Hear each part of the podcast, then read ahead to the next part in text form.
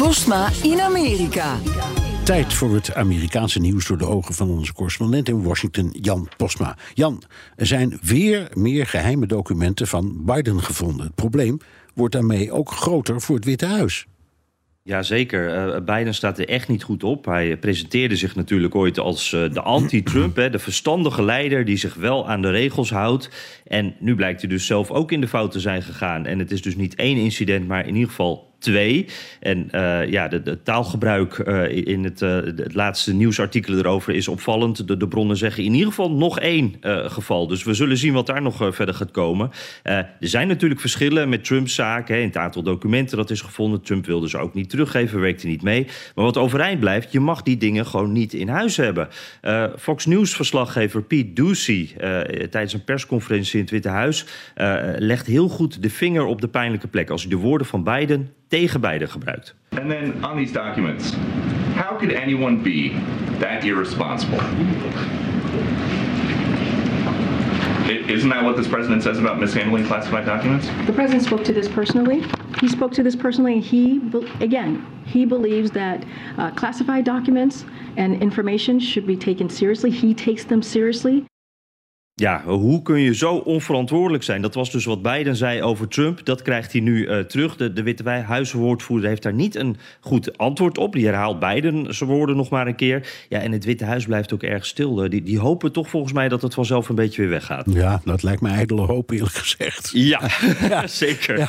Uh, het is deze keer niet alleen Fox News dat hier het belangrijkste nieuwsverhaal van maakt.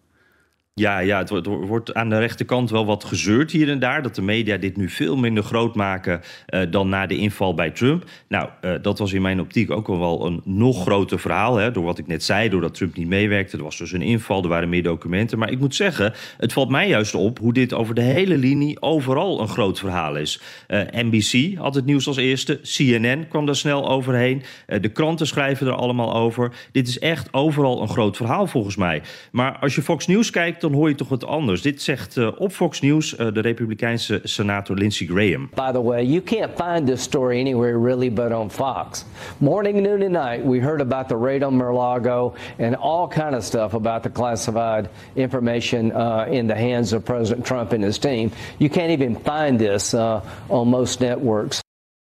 Ja, zo worden de, de Trump-supporters die hier naar kijken, natuurlijk naar Fox News, toch weer eventjes boos gemaakt door Graham. Maar dit is echt niet waar hoor. Het is echt overal. Ik kreeg zelfs de indruk uh, die eerste dagen dat CNN hier meer over berichtte dan Fox. Ja. Uh, wel met wat meer nuance natuurlijk dan bij Fox. Dat kan wel even, maar, maar hoe kan Graham nou zoiets zeggen? Want dit is controleerbaar onzin. Iedereen ziet wel de voorpagina van de krant, al is het maar zoals die in de krantenstal ligt. Op weg naar de meter ja. ook, noem maar wat. Dus hij weet toch dat de mensen dat wel, ja, die weten beter. Ik, ik, denk dat hij erop rekent dat de mensen die dat zien, die dus Fox News kijken, ook echt alleen Fox News kijken. Dus hem zo zullen geloven. Maar ja, ja, ja. gelijk. Als je even wat verder kijkt, dan zie je wat anders. Ja, precies. Ondertussen, Jan, uh, maken ze zich in het Huis van Afgevaardigden ook druk om een echt heel belangrijke zaak. ja, daar mag weer gerookt worden. Ja, precies. Dat voelt heel ouderwets, hè? Ja. Uh, en daar is ook echt niet iedereen even blij mee. Uh, Republikeinen zijn nu de baas in het Huis uh, van Afgevaardigden. Die mogen nu de regels bepalen. Nu, nu, Kevin McCarthy is gekozen als leider, zijn die regels er dus ook. En ja, bijvoorbeeld de metaaldetectors bij de ingangen zijn weggehaald. Die waren er door Pelosi neergezet na de bestorming van het Capitool. Zijn democraten ook niet blij mee. en er mag dus nu weer gerookt worden binnen. Um, de regels van Washington DC, de regels voor federale gebouwen, waar, waar, echt allemaal, die zijn heel streng. Er mag echt niet gerookt worden, maar die gelden allemaal niet voor de kamers uh, van de leden van het Huis van Afgevaardigden. Dus daar werden deze week meteen grote republikeinse sigaren gerookt. Uh, het is ook altijd mooi als zo'n cliché dan een beetje waar blijkt te zijn, of heel erg waar blijkt te zijn. Hè? Republikeinen die de sigaren roken.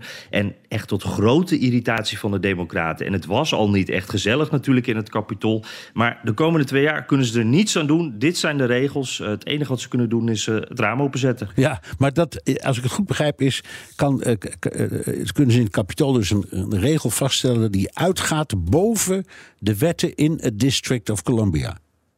Ja, precies. Dan ben je echt uh, deel van de elite. Hè? Als je als politicus dus kan zeggen... deze regels gelden voor jullie, maar niet voor ons. Niet voor ons, alleen voor gewone mensen. Nou, dankjewel Jan Postma, correspondent in Washington.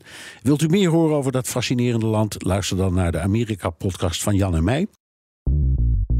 Bij BNR ben je altijd als eerste op de hoogte van het laatste nieuws. Luister dagelijks live via internet. Jelle Maasbach. Wesley Weert. We zijn er voor je met het leukste, opvallendste, maar natuurlijk ook het belangrijkste nieuws. Tijdens de presentatie van die halfjaarcijfers toen die beurskoers in elkaar kukkelde. BNR Beurs. Voor de slimme belegger. Blijf scherp en mis niets.